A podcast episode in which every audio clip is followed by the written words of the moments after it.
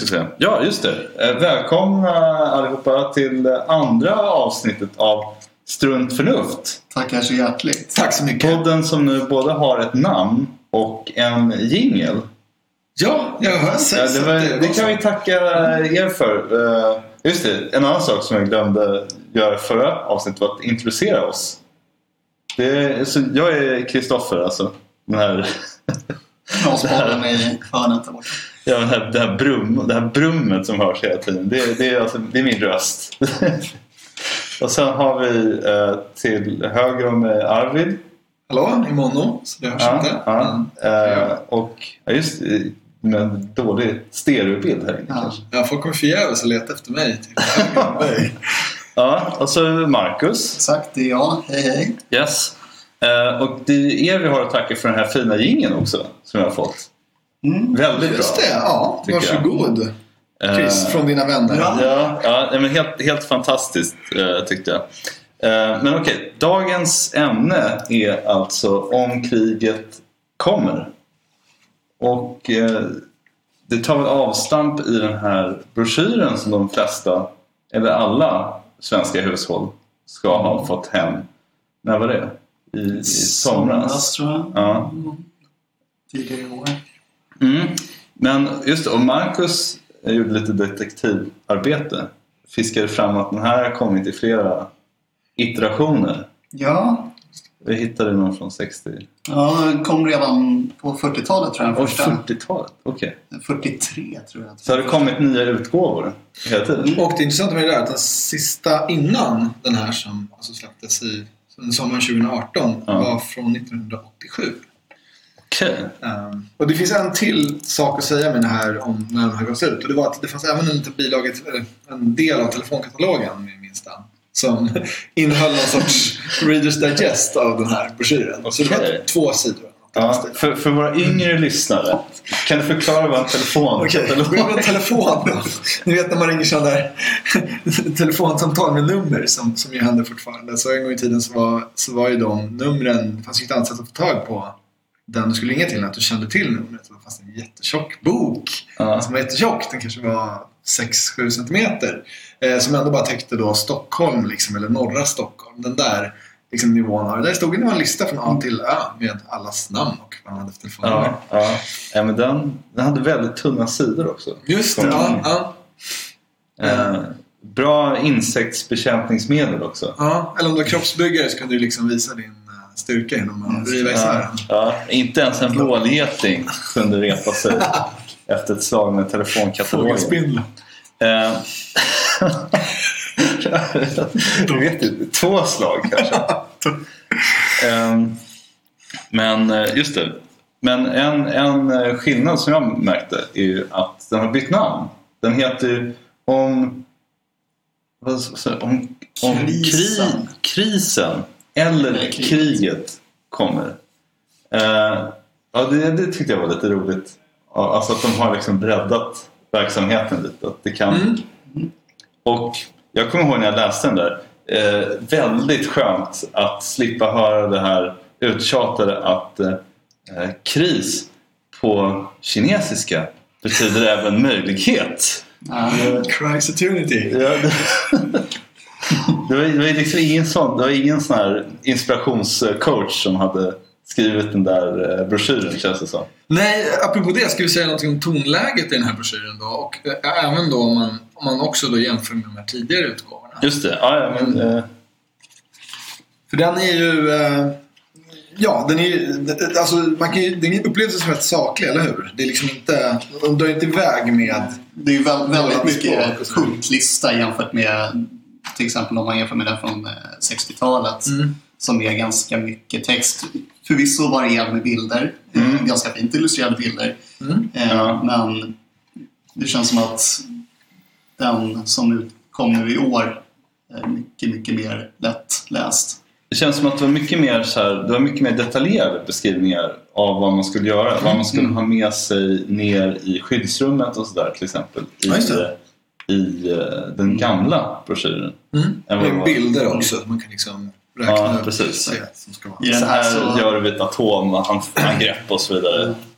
Det som jag tänkte på den här frågan var också så här, för att i de äldre versionerna, vi har, detaljstuderat den här från 1961 då också. Ja. Så är den, den är nog ganska mycket om liksom, så att säga uppmaningar till att göra motstånd Ja, och att det. inte ge upp och att eh, på något sätt att liksom försvaret av landet och de andra medborgarna hänger på dig. Ja, just det. Du har ett Eh, ansvar här. Ja, precis. Och ganska, liksom, den tar väl någon sorts, att ta ställning det låter lite fånigt liksom. Men den gör, den gör den så att säga, den målar liksom upp det här liksom, att det finns en fiende och en så att säga... Och en plikt Ja. också för dig som Mm, medborgare. Just det, just det. Verkligen. Och alla de här sakerna känns det som att de finns väl med på ett litet hörn va? Men de är Ja. väldigt nedtonade. Ja, det är väl mera i slutet av den här årets version så tror jag det står lite grann om att ja, det är bra om du utbildar dig och engagerar dig och så. Men kunde inte se att det stod så Nej, mycket nej. om Ja, det är ju väldigt, det här är ju, det är verkligen som, det, de här, kontexten som den här broschyren kom till lite grann, det är väl dels att telefonkatalogen finns inte längre och sen så tror jag att den här delen som ingick i den också försvann innan telefonkatalogerna försvann. Så det har liksom funnits en lång period då det inte har funnits någon information av det här slaget från myndigheter. Eller ja, Mm. du har kanske kunnat läsa på en hemsida men liksom det här aktiva upplysandet har liksom legat nere. Mm. Och det här är väl lite som ett uppvaknande på det. Att, som du nämnde, att det är ganska, den är inte så detaljerad, den, den senaste broschyren.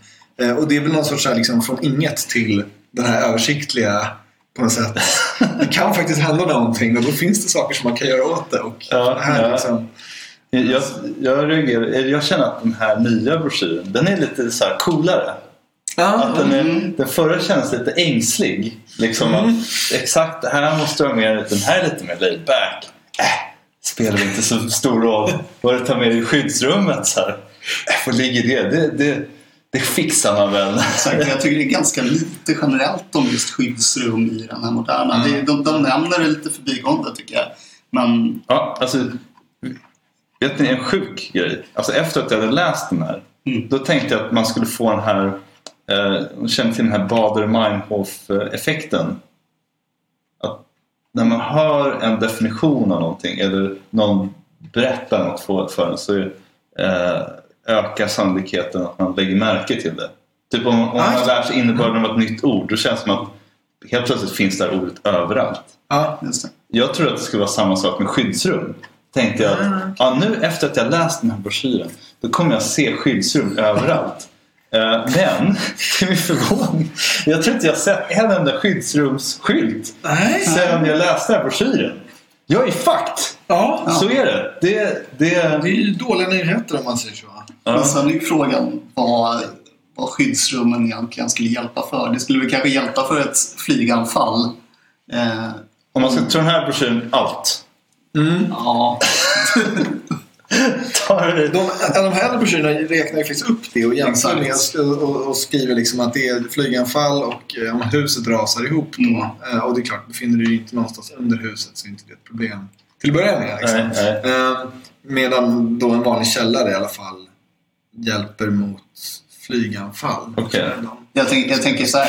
Om, man skulle, om, om det skulle bli en terrorattack eh, där det är folk som spränger bomber eh, och man skulle bli liksom tvungen att uppsöka skyddsrum av den anledningen, av någon anledning. Då vore det ju smart av terroristerna bara att blanda sig in med folket och spränga just sig det. själva där inne. Så att, Ja, Mm. det, det där är... Nu ska jag inte spoila Homeland säsong nej, exakt. Men... Jag kanske inte skulle nämnt det.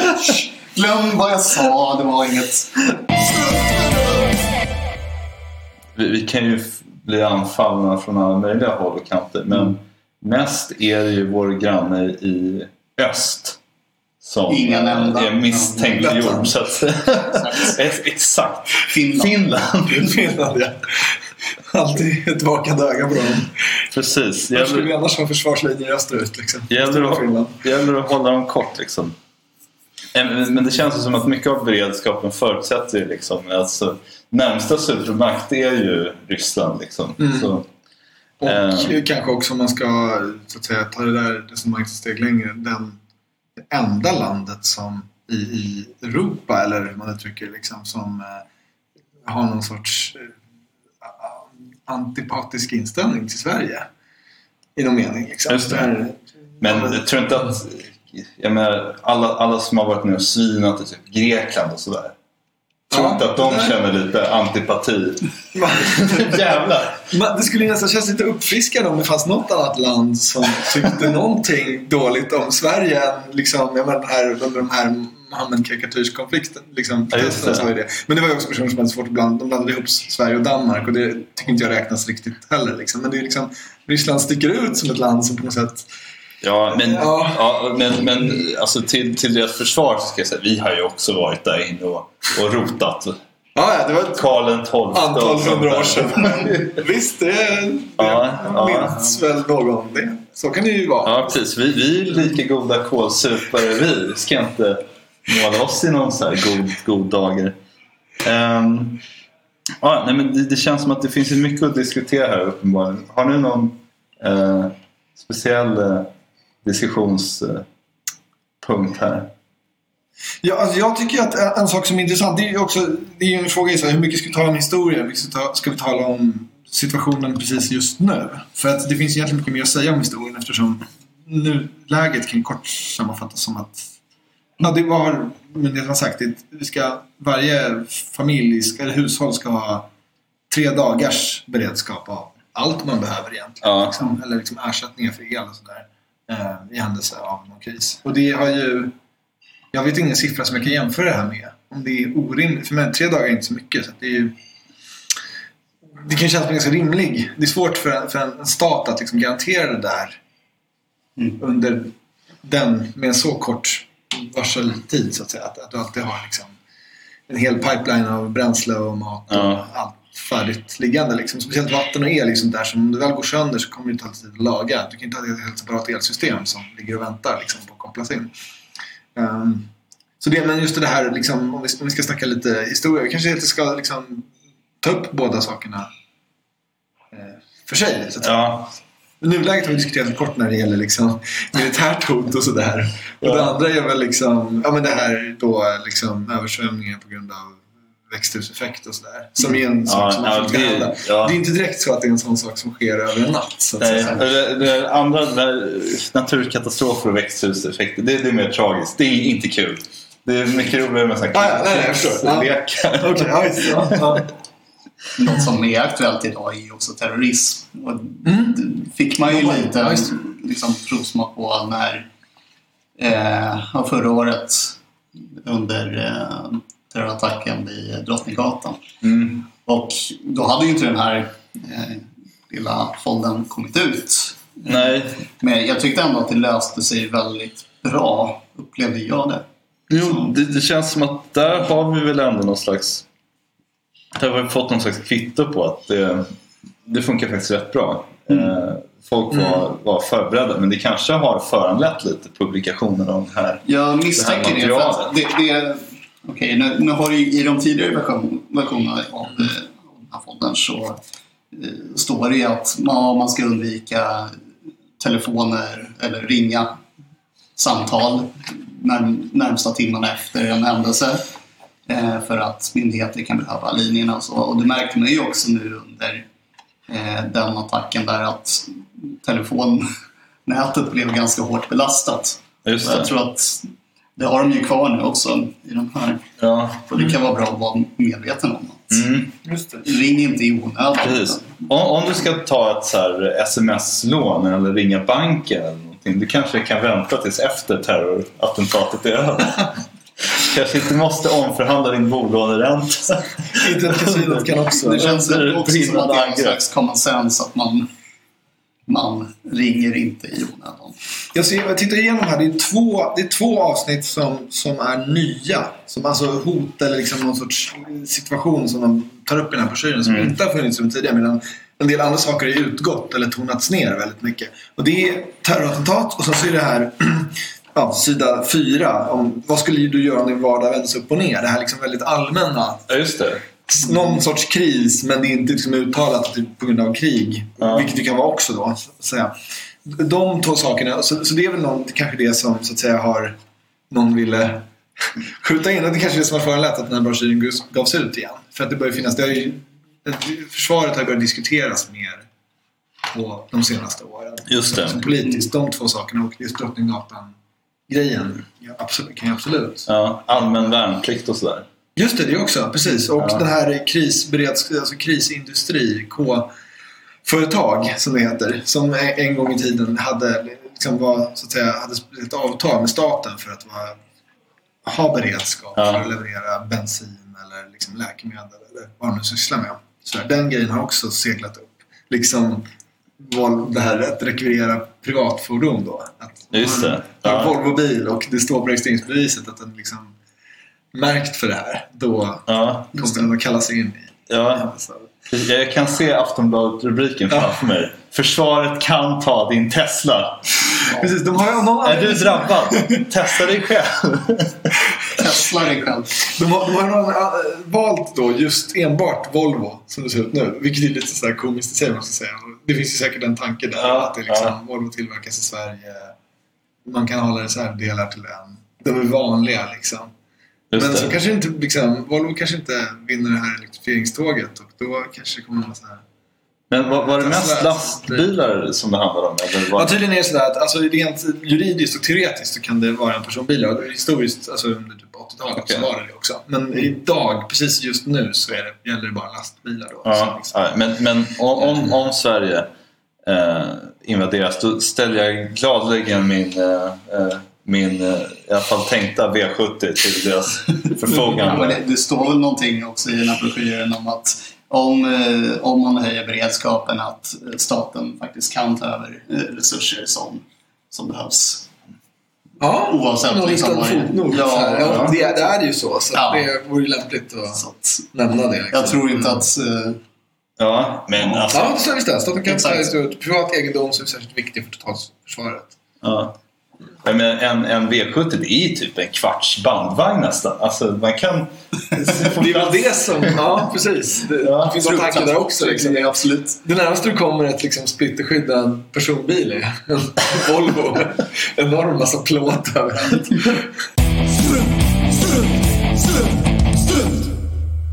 Om vi går tillbaka lite till det här, alltså om Sverige blir eh, angripet. Eh, för det första, nå- något återkommande tema är ju det att eh, Sverige kommer aldrig ge upp. Det har ju stått i aldrig, att säga alla de här Just det, ganska Ja. tydligt. Då, liksom. Ja. Det är inte, precis, väldigt, inte tvetydigt att så här, eh, man vet ju aldrig. Men vi kommer nog inte ge upp. Så står det inte. Nej, jag aldrig. tror att det där är också för att vi, eh, på något sätt visa eh, de som skulle vara intresserade av att invadera oss att vi kommer inte, Just det. verkligen, Ja. inte bara för det svenska folket att känna sig trygg med att vi kommer inte att ge upp utan också att visa upp för potentiella fiender att vi kommer inte att Det ge finns upp. andra tilltänkta Precis, mottagare. och med att den här broschyren faller i fiendehänder så står det Ja, inte så här att ska det vara lite avskräckande. Om det blir krig ska alla svenskar ses söder om Göteborg klockan 18.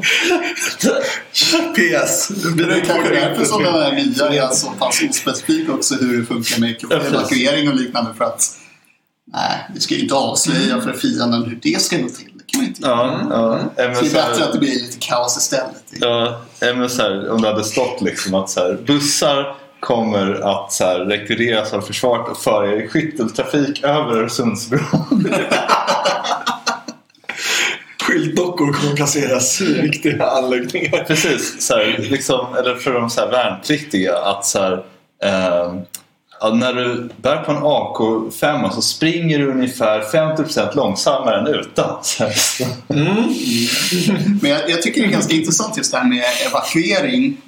Eh, för att det står ju nästan ingenting om i den här hur det skulle gå till. Vilket är lite intressant för det har det gjort i tidigare upplagor. Ja, det, det här kanske man bara förväntar sig att de som stannar där du är, gör motstånd på alla sätt du kan. Och sen är det en massa recept på hur man kan göra så hemmagjorda bomber. Men sen kan jag kanske tänka att det är ju svårt att veta hur ett anfall skulle se ut idag. Och då är det svårt att planera hur man skulle göra. Och det kanske beror väldigt mycket på vilket typ, om det säger att det är en terrorattack så är det inte säkert att man kanske vill evakuera på samma sätt som skulle vara en krigssituation. Det, det är ju sant i sak. Men samtidigt, jag har ju svårt, den här gamla modellen då som gällde för de som inte var inkallade, att de skulle åka ut någonstans på landet. Mm. Och att det liksom i olika stadier i Sveriges utveckling så har det varit ganska specifikt vad det är. Liksom, Mm. det. Det är ju svårt att tänka sig en typ av attack där det är en jättedålig idé att göra jämfört med att bara hänga kvar i en storstad. Ja. Mm. Eh, Så det, då blir jag ännu mer nyfiken på varför har det här med evakuering väl vad jag kan se helt försvunnit. Det, Exakt. eh, det finns inget spår där. Mm. Typen av. ja. Nej, men det är underligt. 1961 försökte man ju också göra en... Man gjorde ett försök med att testa en evakuering av Stockholm. Mm. Det. Men eh, det funkade inget vidare. för Det var för bra väder. Så det var ingen som ville... Det var ingen som brydde sig om själva övningen. Nej, det blev ett fiasko. Okej, Men men, jag, jag vet inte. Skulle ju kanske vara en bra idé att göra något sånt försök. Men jag tror kanske att det skulle bli samma fiasko även idag. men, Ja, men ja. det var så, man gjorde på försök att nu, nu, ska vi, nu sticker jag från Stockholm. Ja, fast Mm. det tror att det var något i stil med att det var en, så här, tredjedel av de som egentligen skulle evakueras. Så att det var liksom, på flera Ja. sätt var det sån här begränsad. Men det, är- det är intressant för att en annan möjlig utgång hade kunnat vara att det blev totalt kaos och alla vägar blev igensatta. För det är väl det jag kom på. Det är väl egentligen enda nackdelen med att evakuera, förutom att det kostar pengar och sådär, är just det här med att det blir liksom, vägar och sådär kan bli igensatta. Det blir liksom stopp för att alla försöker göra det samtidigt kanske utan att det är uppstyrt. sådär. Ehm, Man märkte ju ändå hur lamslaget det blev under terrorattacken förra året. Eh, hur liksom alla tåg stod stilla. Det var ju nästan omöjligt att ta sig ut ur Stockholm ett tag.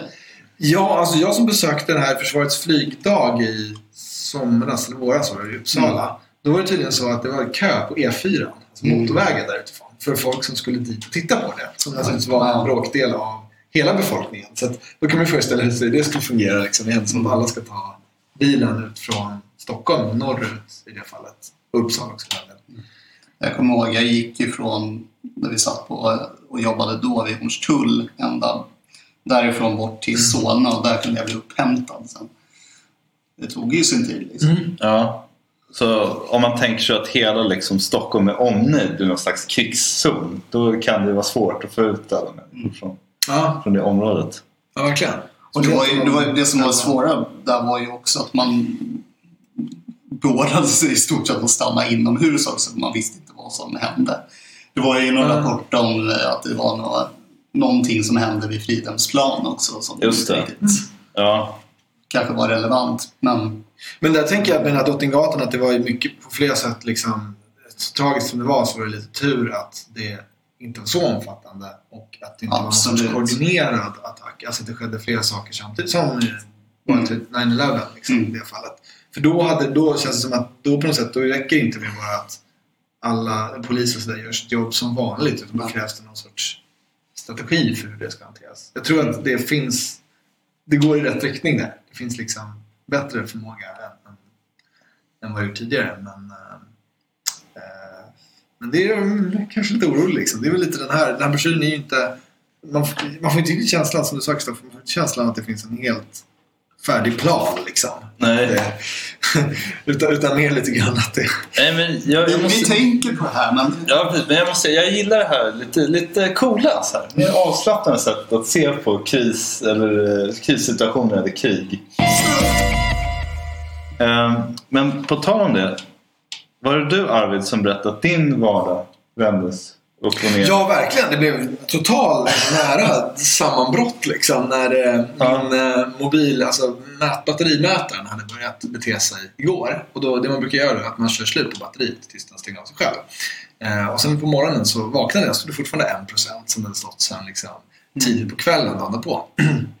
och då visste jag att den skulle lägga av någon gång. Och det gjorde den. Vi hade redan försovit oss och eh, barnen skulle lägga dagis. Eh, eh, äldre dottern skulle iväg till på en utflykt till Skansen. Oj, så det skulle passas Ja. tider där. Ja. Och, sådär. och så lägger mobilen av precis när jag inser att vi måste meddela dagis och säga att eh, jag blir försenad. Liksom. Eh, så ber min sambo göra det. Sen åker vi iväg och då, då börjar det här med att aha, okej, nu skulle jag behöva kolla det här. Eh, och då har jag ingen telefon, jag har inget internet eller sådär. Jag kan inte ringa någon heller. Jag kan inte ringa dagis. Eh, jag kan inte ens kolla vad klockan är. Ja. Liksom. och, det, och då hade jag så här, det, det var ju, eh, och, och det var ingen katastrof sådär för det blev liksom en liten situation där jag inte riktigt visste om jag skulle hinna fram, om jag skulle meddela att vi var försenade och skulle mötas någon annanstans. Sådär. Men det var liksom inte mer skada själv än så. Men det fina var att jag blev, jag ska se om jag tog med den. Jo, titta här. Ehm, jag har... ehm, Arvid tar upp någon Ja, jag tar upp ett föremål här. Jag ska gissa vad det är för någonting. En blandning av en antingen vattenflaska eller någon form av granat. Ja, det var den här granaten som räddade mig från att försöka till Skansen med min dotter. Eh, Det här är en bluetooth-högtalare. En ganska vanlig typ sån grej du har för att lyssna på musik från mobilen. Liksom. Ja. Som också har en sån här powerbank. Ah. Och Mm. det var en grej som jag hade en liten tanke på det där. Att det var bra att ha en powerbank hemma. Alltså en, bara ett stort batteri. Relativt Ja. stort som man kan ladda mobiler och kanske driva lite andra grejer med. För allt möjligt kan drivas USB liksom. Eh, Och det den här samma batteri som högtalaren eh, använder. Och det fina med det är att eftersom man använder högtalaren så håller man den uppladdad. För att du har en sån du har en sån batteribackup och bara har den för ifall Ryssland anfaller. Precis. Så, så måste du ha väldigt disciplin och sådär för att hålla den laddad och liksom se till att det där funkar.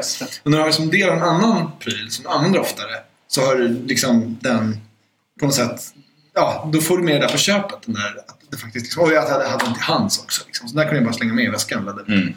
Telefonen. Och då är det så också så här, det här är ungefär det läget man ska hamna i om strömmen plötsligt går. Liksom, och mobilnäten funkar. Och det kan ju hända att man behöver mobilen till annat än bara liksom, internettrafik. Liksom, man har anteckningar eller vad det kan vara. Liksom. Ja, det, det är ju mycket möjligt att man inte har perfekt eh, 4G-täckning under hela kriget. Det kan ju finnas risk där att man går ner till sån här stenålders 3G. Liksom. Någon Ja, kort period, ja, det- riktig kris. Det, alla kommer vi få utstå svåra umbäranden men det är väl det, det är bara, det, då måste vi komma ihåg att vara tappra. Att kämpa vidare. Mm. Just att det. inte ge upp. Dagens generation förstår ju verkligen att uppskatta värdet av internettillgång också. Så det, det Precis. får man tänka på. Ja. Men det är en annan sak, om man sträcker ut det här lite längre så är det hela, hela grejen med prepping och att vara ja, mat och vatten och bränsle och sånt där. Att det blir svårt att integrera det när du gör det i form av någonting som du stoppar undan i en garderob och som ligger där i fem år tills dess att det behövs. Ja. Utan det, det som brukar vara liksom rådet är att du ska ha konserver röriga som du ställer på ett sätt så att du faktiskt äter dem regelbundet och ersätter med liksom de gamla med nya. Sådär. Att de finns med i din liksom vardagscykel. Så här. För annars är det lätt att de bara plötsligt glömmer det så har allt gått ut eller liksom, vad det nu kan vara. Liksom. Ja. Så kommer ni kanske inse att du tycker att burkravioli är jätteäckligt. Ja, Så jag går tungt in på burkravioli. det finns ju så många. Det är det som är egentligen det svåra med det här är ju inte att göra det som jag beskrev utan exakt. Det är ju att liksom acceptera att man käkar liksom olika såna här ready to eat-konserver liksom flera dagar i veckan. Precis. Eller vad det nu blir. Liksom. Ja. Och så, så kanske det visar sig att man tycker jättemycket om så här, soldatens ärtsoppa. Ja. Men så just det är hela, vad heter det, hela garderoben är full med bara ravioli.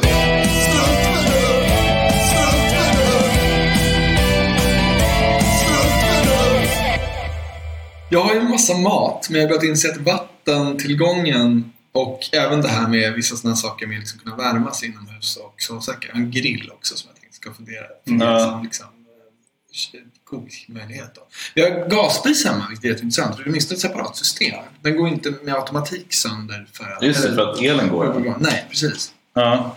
Eh, Jag är inte säker på att det ger en sån fördel. Det, gasnätet är ju väldigt speciellt nu för tiden. Det är ju det är ju en sorts...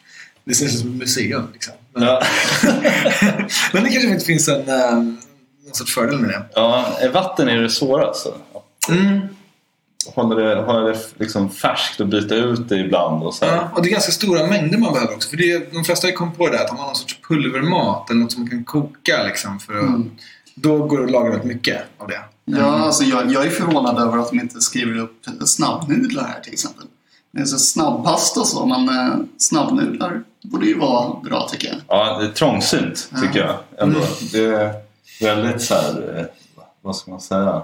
Eh, in, inte så normkritiskt. De som inte tycker om pasta. Vad, vad ska de göra? De har jag vet, att de nämnde vissa saker som hummus till exempel. Ja, som jag tyckte ja, ja. var så här. Och jag menar hummus är ju ute på kikärtor så det är en bra näringsprofil. Det är Absolut, inget men det kändes ändå ganska Mm. modernt på något Ja. sätt. Ja, lite sådär att det liksom är det är lite specifikt. Det är Ja. ja. sakerna som liksom gryn eller matolja. Det, det, är liksom, ja, det finns olika sorter. Men, nej. Mm. Jag kan inte påstå att jag är speciellt förvånad över det som står i, i den listan av mat som man ska ha. Nej, men alltså, om, man tar, om man talar om hela broschyren. Hur mycket av det här är på något sätt common sense?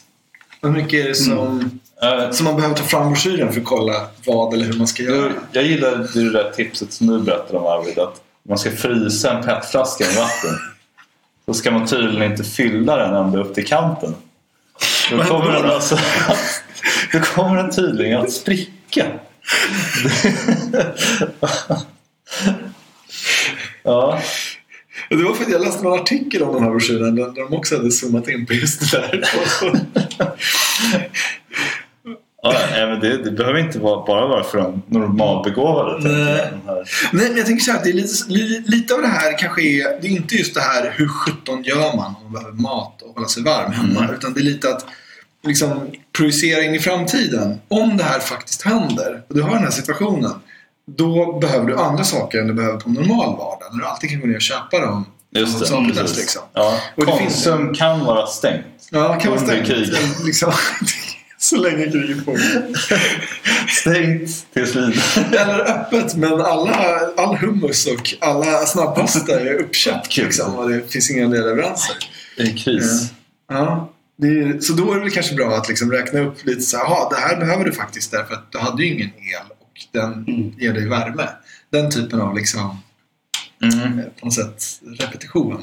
Just det. Kanske sådär. Tills man verkligen förstår eh, allvaret. Ja, jag tycker att kanske att det här med att flaskor spricker om de fylls med vatten som sen fryser är en sån där, bara en sån grej som har smugit sig in liksom. Men en del av det här att om du faktiskt ska göra det här, aldrig gjort det förut, då är det så här det går Ja. till. Liksom. Mm. Precis, I i en panikartad situation så kanske man glömmer de här grejerna också. Att man tänker, Just det. Ja, när bomberna smattrar omkring en.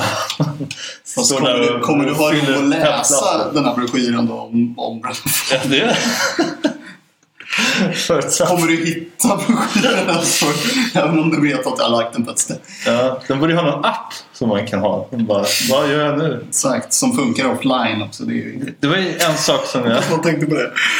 Det det var en sak som jag tänkte på den här gamla broschyren. Där det stod vad man, göra om ett, eh, vid ett flyganfall. Eh, det att man skulle fylla badkaret med vatten innan man lämnade lägenheten. Mm. Men, Det är det stod i den broschyren. ja, Mm. men det var helt okommenterat. Det var bara så här, ja gör det och sen kan du gå... Eh, Det, det jag har sett är väl att man skulle stänga av gas och ta ner gardiner och så för att det inte skulle kunna ta eld in i lägenheten. Ja, ja. Jag vet inte ifall det skulle kunna vara... Nej, Jag, jag tror att det har någonting med brandsäkerhet att göra. säkert. Ja, det jag tänker på är faktiskt inte brandsäkerhet. Typ då liksom, de, lägenheten sprängs, badkaret går sönder, vattnet rinner ut och släcker bränderna där. Eh, det kan man ju tänka sig. Utan det är, det är helt enkelt att fyller badkaret med eh, drickbart vatten så kan du dricka det. Så, Ja. och då har du en Ah. ganska stor volym. Ja, och det är Liksom prepping-sized volym. Ja, fast grejen var att det stod att sen ska du lämna lägenheten. Ja, ja, men inte för att aldrig någonsin återvinna den Ah, lägenheten. just Liksom. tänker när det kommer Eh, Men det, med, det, det, det fattas ju någon sorts kommentar om det. Just det! Det är fortfarande bara det jag tror. Men jag har åtminstone hört det där i andra sammanhang om liksom att du kan fylla badkaret med vatten, du kan dricka det vattnet som är i den här spoltanken i Just Tuan. Just. Och du kan såklart förbereda dig ännu bättre och ha någon så här, som det står i den här senaste då, broschyren, att du kan ha dunkar hemma som du kan fylla med vatten. Ja, Mm. Än du inte har gjort i förväg. Just för då- alla har inte badkar idag. Det var kanske vanligare på 60-talet att det faktiskt var badkar. Ja, du menar för det inte står i den nuvarande? Ja. Eh, Ja, eller också är det så här att det är rena dunkar är en sån grej som kanske var dyr, liksom någonting att Mm, då var det en just bra liksom, kompromiss mellan hygien och att ha tillräckligt med vatten liksom, som vi inte tycker att det är idag. Så- Så, visst, eller, eller storleken på Men lägenheten. okej, ett hett tips till lyssnare då. Eh, dagen när krigsförklaringen kommer, tvätta badkaret. Ja, Ja. punkt noll innan du fyller det med Ja, dricksvatten. precis. Du ska Har det- se till att du kan koka upp vattnet sen. Ja, men så här, ja, ja, ja. Mm, mm. Nej, men det, okej, det kan vara bra att veta. I krigssituationer, bra och rent. Rent badkar är Ja. en trygg huvudkudde. Jag, jag vet inte när, om Sverige har någon sån här, um, eh, vad heter det, som de har i USA, så här, olika nivåer av uh, Defcon. Vi har ju beredskapsläge någonting har vi också. Mm. Det tror jag minsann att vi faktiskt har mobilisering. Så Ja, att det är någon, någon form av sån här state för hela landet. Det finns ja, precis. Ja. Vid högsta beredskapsläge då står alltså, bad, då står alltså JAS-planen klara på startbanan. Eh, civilbefolkningen uppmanas att tvätta sina badkar. Till att de snabbt ska gå och fylla med, med eh, drickbart vatten. Blir tal om att ta ett bad och sen. Ja, man vill inte så här, om, du har, om man har smutsränder i badkaret då känns det som att så här, "Uff, det där kanske man inte vill lycka. Det är kanske ingen, ingen bra idé. På tal om JAS, har ni eh, sett de här JAS-vägarna eller vad man ska kalla dem som finns utspridda? Ja, det har jag gjort. Absolut. Nej, Ja, visst, jag har letat efter sådana till och med. Liksom. För det, är, det är en sån story om det här, om man tar hela det här övergripande med att Sverige liksom skulle ha lite ett budgetförsvar. Mycket försvar Mm. för, för så lite pengar och resurser som möjligt. Då. Ja, Men det finns en annan smart grej också med de här vägbaserna. Men en sak är att du får fler flygbaser till priset av typ att bygga en motorväg. Men det känns som att de, många av de flygfälten, som är improviserade flygfält, ju, de, de syns ju inte lika tydligt idag heller för att det är ofta mitträcken idag som de har byggt. Ja, de är helt, systemet är nedlagt. Så Ja. de som finns finns där för att de bygg, den här vägen Det byggdes. enda man kan se är möjligen att vägen har varit lite bredare eller någonting Ja. att man lagt på. Men förut så var det ju verkligen att eh, vägen var jätte, jättebred helt plötsligt på något ja ställe. väldigt. På en lång Så, så tanken är att du ska kunna, den ska kunna dubblera som Mm. start och landningsbana för Ja, att du ska ha lite sånt där maskeradsystem. Du har ganska många sådana där i området kring en riktig flygbas. så att säga. För Ja. det behövs ju annat än bara start och landningsplats, alltså bränsle, liksom, Mm. och sånt där. Och då vet inte fienden vilken bana de ska bomba, vilket fält. Precis. Och har du många så blir det liksom ett problem. Och det är ingen underhållskostnad eller man får ett mervärde i att det är en väg. Just det, man underhåller en bredare landsväg. Liksom. Ja. Mm. Men eh, jag hittade nämligen en sån i somras utanför Mm. Norrtälje. Mm. Eh, när jag var ute och eh, övningskörde.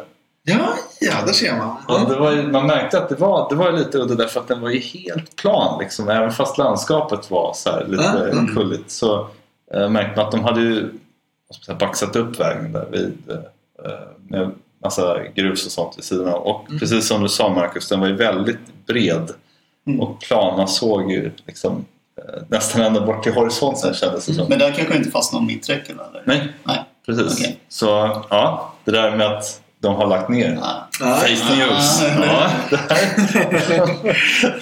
Nu sitter ryssen och lyssnar här. Ja, ja, just det. Det här kanske är, det här är känslig information. Precis, bli inte förvånad om den här eh, podcasten aldrig når allmänhetens eh, kännedom. Det är, för, det är sprängstoff helt enkelt. Jag tänkte att vi kunde leka en lek. Eh, en krigslek helt enkelt. Att vi först sätter på oss Sverigehatten och tänker hur ska vi försvara oss mot ett angrepp och sen sätter vi på oss fiendehatten och tänker hur, hur ska man angripa Sverige på bästa sätt. Så eh, får vi se till att den här informationen inte hamnar i fel händer. Just det. Så vi säger inte... Ja, nej, det blir svårt. Även om vi inte anger färgerna så kan en Jag, jag tänker medelbegåvad angripare lista ut vilken sida som är vilken. ja, ja, vi, vi kanske får dra det här med någon för regerings, regeringskansliet eller Jag försvars... förväntar mig att de lyssnar. Ja. Ja. Någon form av rootkit just Ja, nu. just det, just det. De hör redan vad vi Men säger. jag tycker att mycket av det som, som de varnar för i den här eh, foldern är ju sånt som förmodligen kommer, eller skulle hända då. Liksom.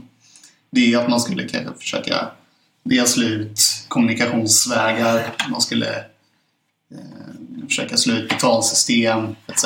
Och det kan ju vara, det behöver ju inte vara att man bombar centraler utan det kan vara hackerattacker och sånt. Mm, ja, precis. Alltså att liksom slå ner, slå ut inf- viktig infrastruktur och Mm. sådana saker. Det går ju göra på mer kreativa sätt nu än att bara spränga en bro. Liksom. Exakt. Man kan ju göra det på betydligt mer sofistikerat sätt. Som det här Stuxnet-viruset till exempel. Som Mm, just det. Så vi kan ju ta det snabbt för, för lys- lyssnarna vad det är. ja, gjort för att ett virus specialdesignat för att vad är det, stänga av turbiner i en kärnreaktor tror jag. Uh, nej, alltså, såna här, eh, förstöra såna här uh, gascentrifuger som man använder för att anrika uran till till exempel kärnvapen. Och det var väl han hade i det här Ja. fallet. Eh, genom att köra dem på för högt varvtal. Då. Eh, I en liksom, fabrik. Det är väl, jag tror att det är förmodat att det är CIA som ligger bakom det Ja. viruset. Ja. Mm. Eh, andra sidan jorden liksom, och en anläggning som man väl förmodligen knappt har sett från insidan. Då. Så det är så här ett virus som liksom sprids via olika vägar Mm. fram till den här anläggningen. Vilket är helt bisarrt. Det här var dessutom i, var det här, det här var liksom pre-internet. Ja, jag vet inte. Jag tror att... Men det var ju gjort för att den tänkta smittvägen var ju USB-stickor. Mm, mm, är rimligt. För, för eh, antaget är att den här datorn är liksom isolerad från omvärlden. Mm, den är air, gap liksom. Eh, men ja, jag säger det. Här är av, heta avslöjanden om CIA. ja. Nej, men jag, tror, jag tror absolut att det liksom inledande attacken skulle vara att försöka skapa kaos bara på enklast möjliga sätt. Ja, Utan militära medel. Eller militära medel men kanske inte krigsmaskiner just utan eh, på elektroniska. just det. Fake, fake news Mm. och sånt där. Ehm, Olika sådana här att, att liksom dela upp någon sorts opinion. Att det i själva verket är NATO som har provocerat fram just det. länder. Den där typen av... För att vi, de är som demokratiskt land så är vi mottagliga för olika åsikter.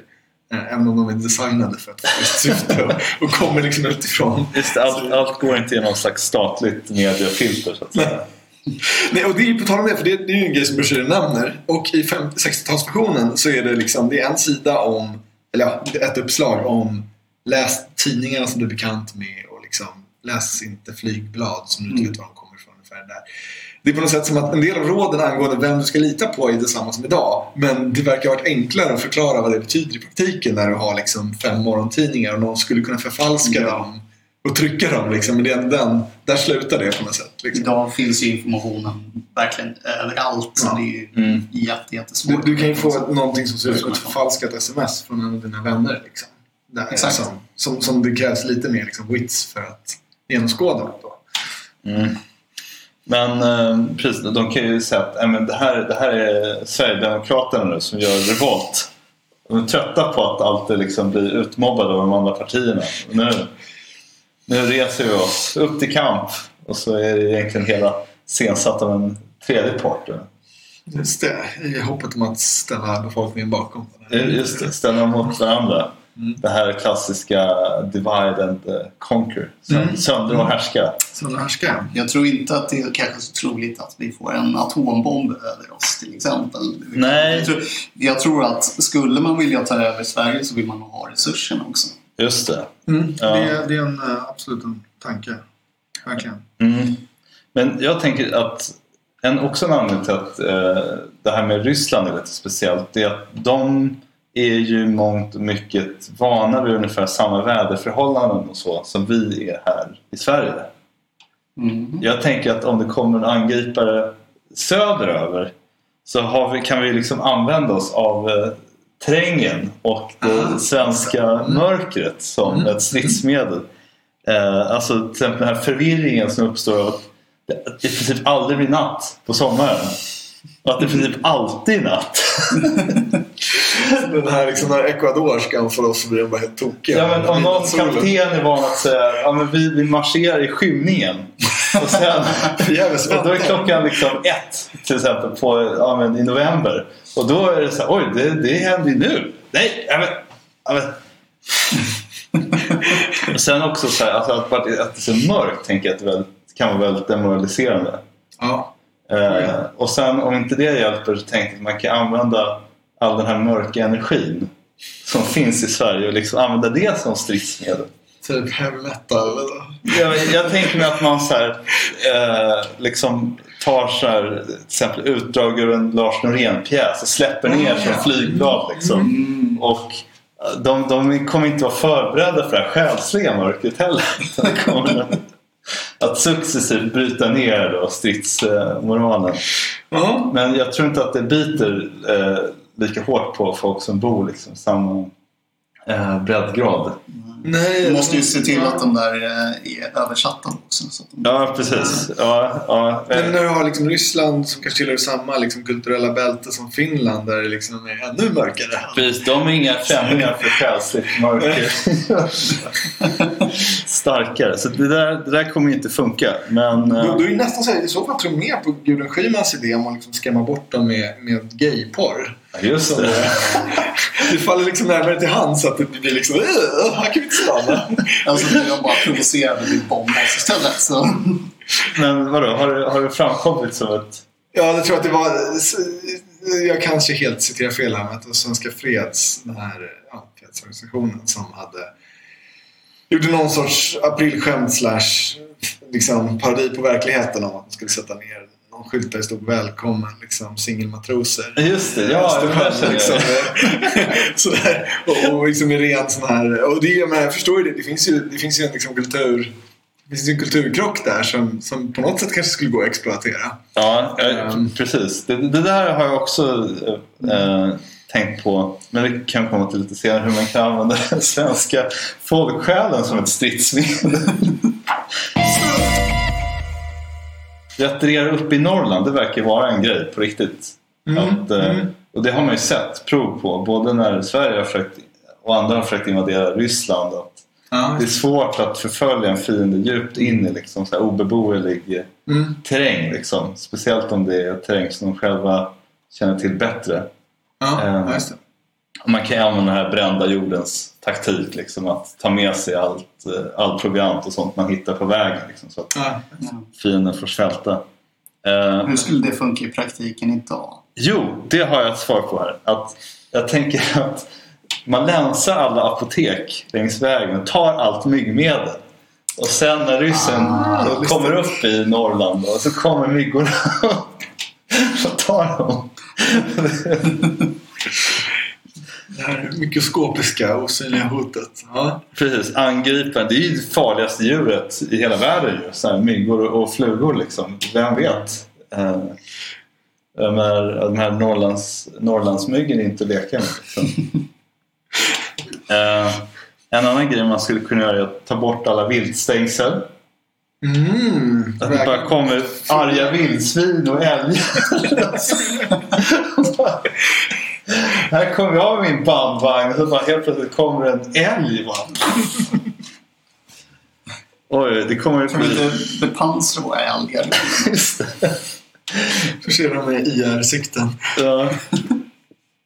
Precis, att de använder någon slags kamikaze-älg som liksom stångar en pansarvagn. Ja, men jag tror att det, det går nog att göra livet surt tror jag, för en, en angripare. Liksom.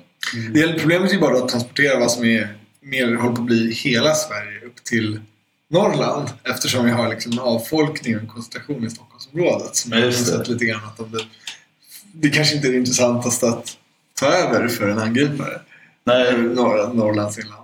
nej, men då, då, då kan man få... Ja, just det, men det, det för mig in på nästa punkt också. Det här med gerillakrig. Vilket jag tycker att kan, har man nästan kunnat kasta med lite här i, i broschyren. Jag menar, ingen av oss här har gjort lumpen, eller hur? Nej. Nej, nej, nej så vi, vi är mer eller mindre odugliga i, i strid. Eller jag har ju räknat ut mig själv lite grann i alla fall. Ehm, men eh, jag tänkte att den här... I, de har missat ett tillfälle känner jag med den här broschyren. Att de skulle kunna ha gjort varje svensk till en potentiell dödsmaskin. Mm. Berätta, hur, vilken typ av... eh, Ja, men så jag tänkte att man skulle kunna ta liksom, så här, allt man lär sig i lumpen och försöka kondensera det. eh, Och göra det till så här, eh, övningar man kan göra hemma. Mm. Typ ja, men, så här, marsch med familjen. Mm. Skulle man kunna ha. Fält, olika fältövningar som man kan göra över en lång helg kanske. Och så här, eh, att man kan kanske, vad heter det, eh, tillsammans med sin äkta hälft, alltså träna sig på motstå tortyr och sånt där. Ja. Ja. Nej, men alltså, jag menar, i, i de... eh, I alla fall, jag tror att det är den från 1943, den broschyren, så uppmanar man ju att också sabotera för fienden. Till exempel så står det citat Cyklister skola själva göra sina cyklar tillfälligt obrukbara genom att borttaga viktiga skruvar och bultar när risk föreligger att fienden ska kunna bemäktiga sig cyklarna. Skidor skola gömmas undan. Man ska inte tillfälligt bryta sönder skidorna för att senare eh, tejpa ihop dem. Eh, så om man, om man har en iPad hemma som man kanske inte orkar ta med sig, då, ska man slå sönder den. Liksom. Ja, just det. Fienden inte kan köra sin Ja. stridsplanering på Ja. Hålla på att kolla Google Maps och sånt där. Nej, Nej. Nej det ska just man inte göra. Och inte tillfalla fienden så att säga. Det är väldigt lite sådant i... ja. Mm, jag är, alltså när det gäller militära sådana här, liksom, blanda molotov cocktails eller bygga slangbällor, jag vet inte. så, så känns det som att det, det går ju väldigt, alltså det, det rimmar ju inte så bra med liksom, den svenska folksjälen som den ser ut idag. Eh, Det här eh, liksom att du verkligen dels tar ditt öga, i egna händer och sen använder sådana här liksom, de mest enklaste och mest effektiva metoderna att Mm. fysisk skada på en Ja. motståndare. Ja. Ehm, men jag har faktiskt tagit fram här några gerillakrigsmetoder som är designade för att passa den moderna Ja, Svensken. man. Ja. Eh, inte jättemånga här, men eh, och det blir inte så mycket så här fysisk skada Nej, på nej, men väl det skulle det kanske inte bli. psykologisk eh, Ja. eh, krigsföring. En eh, sak som man kan göra är en sån här IED, Improvised Explosive Device. Där man har då en snubbeltråd, alltså en fiskelina eller någon sorts vajer som man fäster vid ett träd eller någonting och i andra änden fäster man ett eh, locket till en surströmmingsburk. Oj, oj, oj. Ja, just det. Så där har ni ett tips. Aj, aj, aj. Det vill ingen vara med om. Ja, så kan man till exempel lägga en, så här, jag vet inte, en låda där det står godis inuti och så är den försåtsminerad då så att när fienden öppnar så öppnas burken och sprutar surströmmingssaft. Räknas inte det som ett kemiskt vapen? Jo, det skulle man ju nästan kunna Kemiskt och säga. biologiskt. Det, Ja, det, kemiskt och biologiskt vapen. Det där kan ju bli problem med folkrätten. Absolut. Precis. Men, ehm, och det som, som man vet, en sårad soldat är ännu värre än en dödad soldat. Så, Just det. Sårad och förnedrad. ja, precis. Kan, måste kasta kläderna och sådär. Och det blir, ja, någon kanske måste gå runt med för stor eh, skjorta liksom. Eller, Eller någon så här rosa tröja som man hittade någonstans. Det kan bli riktigt Ja, en, en uniform som inte passade riktigt som man fick plocka fram lite sen. Eh, en annan sak man kan göra är att lämna arga lappar under, Ja, ja, längs fiendens framfartsväg. Där finns det ju ingen liksom, motsvarighet till den svenska. Nej, precis. Man, man, man kan säga till exempel Vem är det som håller på och lämnar patronhylsor överallt? Din mamma är inte medlem i den här stridsgruppen. plocka upp bajset i rabatten. Man kulhåller lagar inte sig själv, unge man. Ja, precis. Så här, eh, till den som håller på och kör pansarvagn efter klockan tio. Återigen, liksom bara Andra bryter, som försöker sova. ja, bry- bryter ner fiendens eh, stridsvilja tills jag tycker att arbetsmiljön blir outhärdlig. Det som helt glömmer bort varför de vill invadera det här landet. Är- Just det, för extra djävulusiskt att man kan sätta upp sådana i fiendelägret. Alltså på Gärna i deras tvättstuga. Just Återigen, söndra och härska. Att Det blir så här hetsk och dålig stämning liksom bland soldaterna. Eh, en annan sak, om man blir tillfångatagen, ett sätt att göra motstånd då är att använda olika härskartekniker. Ja, okej, just det. Som att till exempel om, om en, man är krigsfånge då ska transporteras och eh, vad heter fienden ger order om marsch. Då kan man till exempel låtsas att man inte hörde. Så, ursäkta, vad sa du? Eh, jag lyssnade inte. Ja. Tillräckligt mycket sånt. Då, då är det, det, det blir för jobbigt helt enkelt. Då orkar jag inte med. Just det, att anmärka på fiendens eh, improviserade svenska. Ja, ja. Marsch heter det. Ja, ja precis. Om sådana här härskartekniker som stridsmedel. Om man ska vända på kronan då. Vad, vad skulle man, om man ville invadera Sverige, hur, hur eh, skulle man göra bäst? Kan man på något sätt liksom ha någon slags first strike som är så... Jag var inne lite på det för en stund sedan där med eh, desinformation och Ja, slå ut eh, viktiga kommunikation, kommunikationsmedel. Ja. Jag tänkte på det, det du nämnde med så snus... eh, fabrikerna. Just det, beredskapstillverkning. Det är ju verkligen något att... Så vitt jag förstått så har de där lagts ner och sen så är det möjligt att Swedish Match har det där uppdraget idag. Men, Ja. men precis, det har ju... Det går långt tillbaka tror jag, till 40-talet till att, att alltså ha beredskapstillverkning av snus. Liksom kunna s- stöta igång som har lagat tobak då inför en sån här krissituation. Och det är någon som har satt en snusare som inte hittar sin dosa liksom, på morgonen förstår ju hur signifikant det här är för rikets försvar. Ut surströmmingstillverkning också. Ja, och när jag tänker på det med snus talar vi och skrattar här. Liksom, men, men den riktiga elefanten i rummet är kaffe. Ja, Det, det är ju strypkaffetillförseln liksom. Okej, så låt oss säga att så här, eh, som en del liksom av den här första attacken så har ryska ingenjörstrupper redan nu tagit sig över gränsen och står beredda att liksom, på en given signal demolera alla kaffefabriker samtidigt. Ja. I hela Sverige. aj, aj, aj. Ja. För att göra liksom, de lager som finns odrickbara. genom Ja. eh, Ja. Slut alla transporter också som är på väg hit med Ja, Just sushi. det. Ja, ja, ingen, mer, ingen mer kaffe. Hur genomtänkt var det där att Sverige aldrig kommer ge upp Det kan låta så bra när man sitter med sin latte och skriver den här broschyren. Precis. Ja, när man, man börjar gå igenom de här scenarierna då förstår man inte hur, hur obehagligt det kan bli. Eh, en annan eh, grej som eh, jag kom på är ju att man kan ju eh, dumpa radioaktivt avfall på Soliden-scenen. Ja. Alltså ingen... I, i, I liksom hundratals år så blir det inte någon Allsång på Skansen. Precis. Ja. Minst 400 år. Man ser till att det inte går att sända Kalle Anka på julafton. Oh, just det. Så någon slags så här, vad ska man säga? Det blir, blir kaos.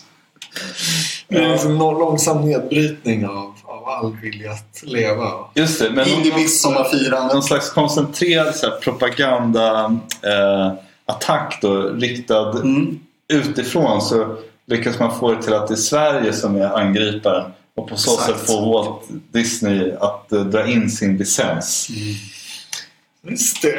Just det, och allmänt. Faktum är väl bara att skulle Walt Disney dra in sin licens av vilken anledning som helst så skulle det vara ett skäl så gott som något att ta avstånd från NATO och som USA står för. Liksom. Det här är på något sätt det är liksom aggressionshandling när vi sitter som det här lilla neutrala landet Jag skulle, säga, jag skulle betrakta det som en krigshandling. Att det, och bara kasta oss rakt i armarna på moder Ryssland. Det är... Ja, ja, just det. det Ja. behöver inte svårare än så. Precis, ja, men det finns ju mycket man kan göra. Alltså, det finns ju vissa, vissa nyckelpersoner känns det som, som vi också måste behålla för att landet ska kunna fungera. Eh, typ GV. Ja, ja just det. Ja, Jag tänker att han, han, om det är någon som är prepper så, så är det han. Ja. Att, eh, Men, men jag tänker att Alltså- Sveriges försvarsplan måste vara att evakuera honom ett antal andra nyckelpersoner eh, till där- någon slags säker plats. Jag tror att det där faktiskt ligger väldigt nära sanningen. Eller som den har varit i alla fall. Att det, här, det finns ju de här eh, tv-studiorna som har byggts i bergrum i, i Mellansverige. Ja, just. Eh, som, är, som är just till för att liksom, där ska någon sitta, då ska liksom eh, Bengt Öster eh, eller någon eh, si- sitta där och läsa upp liksom det här att ja, alla liksom, motståndet ska fortsätta. Och, Ja. GV GV startar upp veckans brott igen. ja, ja, men så trygghetsskapande. Höja moralen. Ja, precis. Var, var, vart man än kör honom så måste man ju liksom vara noga med logis- logistiken så att inte han och Gio hamnar i samma skyddsrum. Liksom. Mm, Det, för båda är sådana här tänkta kandidater till precis. Då, då, vad hette det? Då kanske de har ihjäl varandra. Det är ju kontraproduktivt. Ja, verkligen. Det, kan ju sätta en väldigt liksom, dålig bild av eh, läget i, i den här krissituationen. Ja, ja. i direktsändning. Jag undrar om det finns någon sån shortlist för kändisar.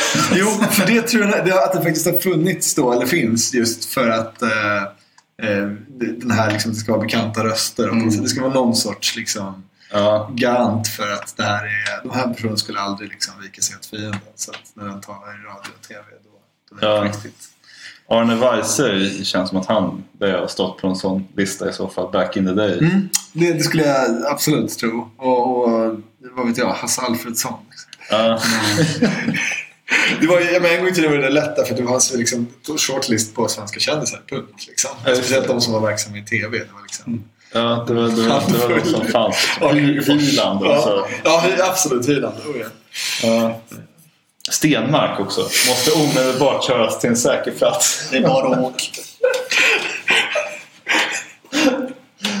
Visst är det lättare med någon som har väldigt karaktäristisk eh, liksom, brytning eller eh, eh, dialekt då? Att de, de blir röst för den delen. Liksom Ernst-Hugo liksom. Vem som helst kan liksom skilja honom från en skicklig imitatör. Ja.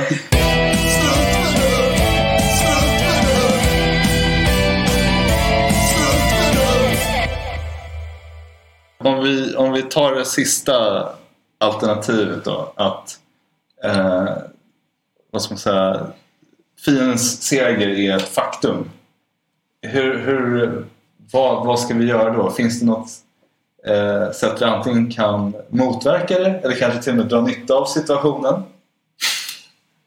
Jag, jag Ska tänk, aldrig upp. ja, ja, ja, precis. Jo, det, Alltså, en sak som jag tänker är att alla liksom försöker att, att eh, orsaka politisk splittring och Mm. förvirring. Plötsligt så blir motivet det motsatta. Att det blir väldigt viktigt att det finns en enda röst och eh, så att säga eh, liksom ett enda narrativ. Och Mm. det kanske visar sig inte så lätt som en angripare kan tro att bara implementera över en, ja, just över det. en natt. Ja. Liksom. Jag ser ju kanske en oväntad lösning på den eh, nuvarande regeringskrisen. Att det tredje Tredje alternativ uppenbarar sig som eh, Sjöstedt också kan ställa sig bakom. Lägligt nog. Inte för att någon har frågat honom. Precis, det finns en väldigt övertygande skuggbudget här som... Ehm, och sen blir det såklart att allting, alla diskussioner om liksom att försvarsutgifterna blir för höga eller vad det nu kan vara. Att vi, vi står på fel sida i den fredliga liksom, konfrontationen med eh, Ryssland blir också en icke-fråga då. Då är- kan vi koncentrera oss på att bara föra samhället framåt. mm. Ja, nej men... eh, ja, jag har inte så mycket mer tror jag. Det, Mm. Nej, jag tror att vi, vi har nog touchat på det mesta som... ja, vi, Ja, vi kanske ska, i och med att det kanske också kommer dyka upp i något framtida avsnitt, så kanske vi ska prata om det här med radio helt kort. Ja. ja, just det. För Ja, radio ingår ju faktiskt i det Radio här ingår här. Det, det ska man ju faktiskt ha en eh, riktig batteriradio. Precis, och det står, här är en punkt här, mobilnät och internet fungerar inte i en hypotetisk... Men det, det, det har blivit så här, okej jag ska ha en radio och sen måste jag veta P4 ska man ställa in. Men vilka frekvenser som är P4 på? Jag är helt, jag tror jag är helt screwed i det Ja, här. det, som tur är så radio, det är inte riktigt som en IP-adress. Du kan ändå sitta och bara scanna igenom hela... Exakt, men då kanske det är eh, propagandakanalen jag får in som säger att de är P4. Ja, just det, just det. Och det är ju problemet också med, med allmänhet. Allt det här med att du måste till, om du har tillgång till en device liksom, eller en skicklig imitatör. Det går ju att störa ut och det går att sända liksom, alternativa radiosändningar. Radion i sig, det fördelen med den är just att den är alltså, utrustningen är fortfarande enkel och liksom, enkel att få tag på och den, eh, det är inte alls lika komplicerat eh, tekniskt system som eh, mobilt internet är. Det är ju det, att den liksom är mer tillgänglig. Då. Du, kan, du kan ha mobila radiosändare också som du kan eh, sända det. Men precis när det gäller allt som har med automatisering att göra så är det där har ju radion, det är bara liksom känner igen rösten, låter trovärdigt och kanske finns rätt frekvens. Men det, jag rekommenderar inte det som metod. Nej, alltså, jag, blev, jag lite konfunderad för jag ly- lyssnade på något avsnitt av Morgonpasset i P3 tror jag det var tidigare i veckan innan vi skulle göra den här podden. Eh, där de hade någon kommunikatör från MSB som eh, poängterade att batteriradio var bland det viktigaste liksom, man skulle ha. Mm. Ja. Jo, men det är lätt att tänka det här. Och jag vet för er som var liksom, levande under den här Drottninggatan-krisen. Så det, att få reda på vad som hände då var ju svårt nog. Liksom, fastän det var, liksom, visst, ärligt talat så var det några saker. Twitter liksom, gav ju ut information som kanske inte var helt fullständigt snabbare än eh, vad man hittade liksom, i officiella kanaler. Men, men ändå att den, den så att behovet av att bara veta vad det är som försiggår. Mm. Och eh, då är liksom rad, min statlig radio är ju det är ett sätt att liksom skära igenom det där bruset väldigt, eller bara tystnaden som det blir då. Och sen det andra är också att då, som, som jag har i mitt pepperkit en eh, kortvågsradio här. Oh, det är det det är? Ja, det är det. Precis. Och som även tar emot vanliga förbandet. Ja. Så har jag också möjlighet att faktiskt ta emot utländska stationer. Så utifall att någonting händer i svenska myndigheter är en punkt där de är helt tysta i det här mediet. Så kan du med lite att du kan, du kan lyssna på Russia Today. Det kanske inte kommer vara den källan liksom efterfrågar. Eh, liksom Radio China och BBC World Service har alla de liksom, sändningar. Så att, så Ja. att, Radio chans att på Luxemburg. De har tyvärr, det är, till stor del så har ju allt det där lagts ner. Liksom. För att det, det är ju enda, den enda rollen som finns kvar egentligen i sådana här kris, liksom.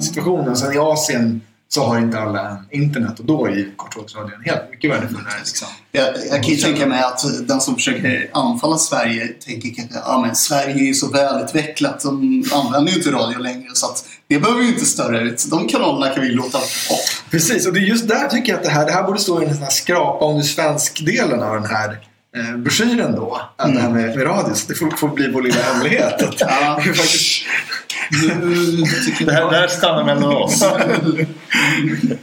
Just det. Broschyren har en inlaga. Så här, förstör den här direkt efter att du har läst den.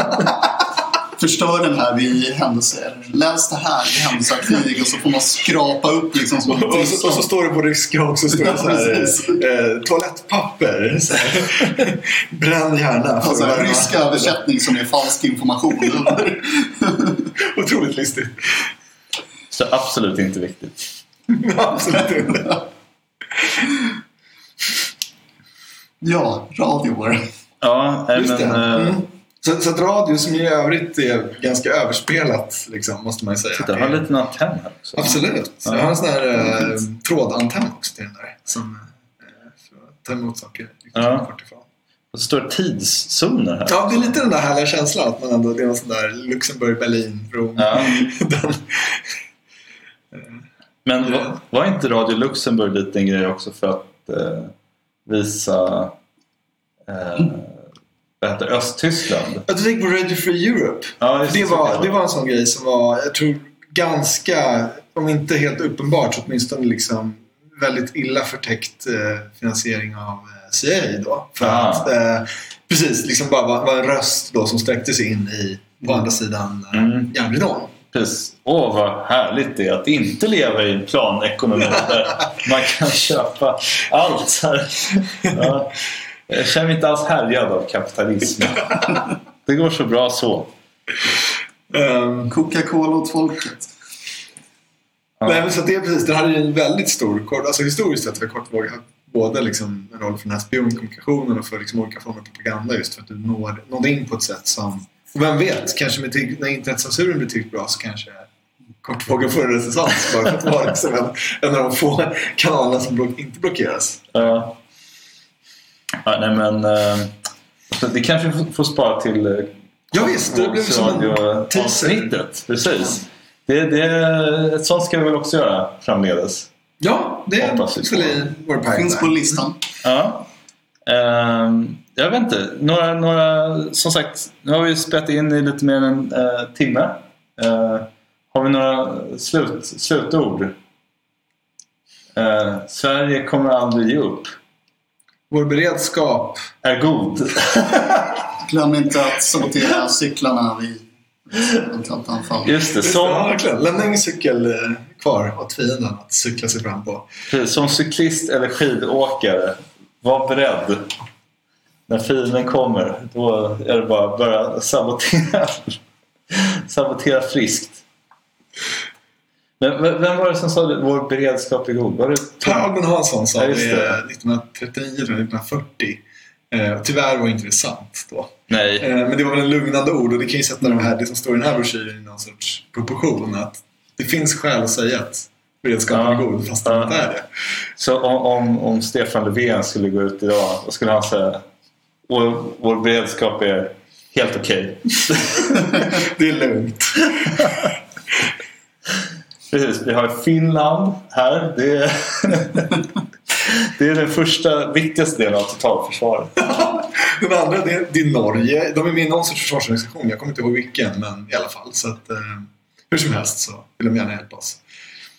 Ja, nej, men det kanske räcker då. Så ses vi, hörs vi förhoppningsvis om en eh, vecka igen.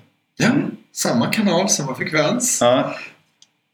I denna eh, podd som vi kallar för Struntförnuft. Ja. ja, tack och hej! Tack för oss! Hej. då! Strunt, strunt, strunt, strunt.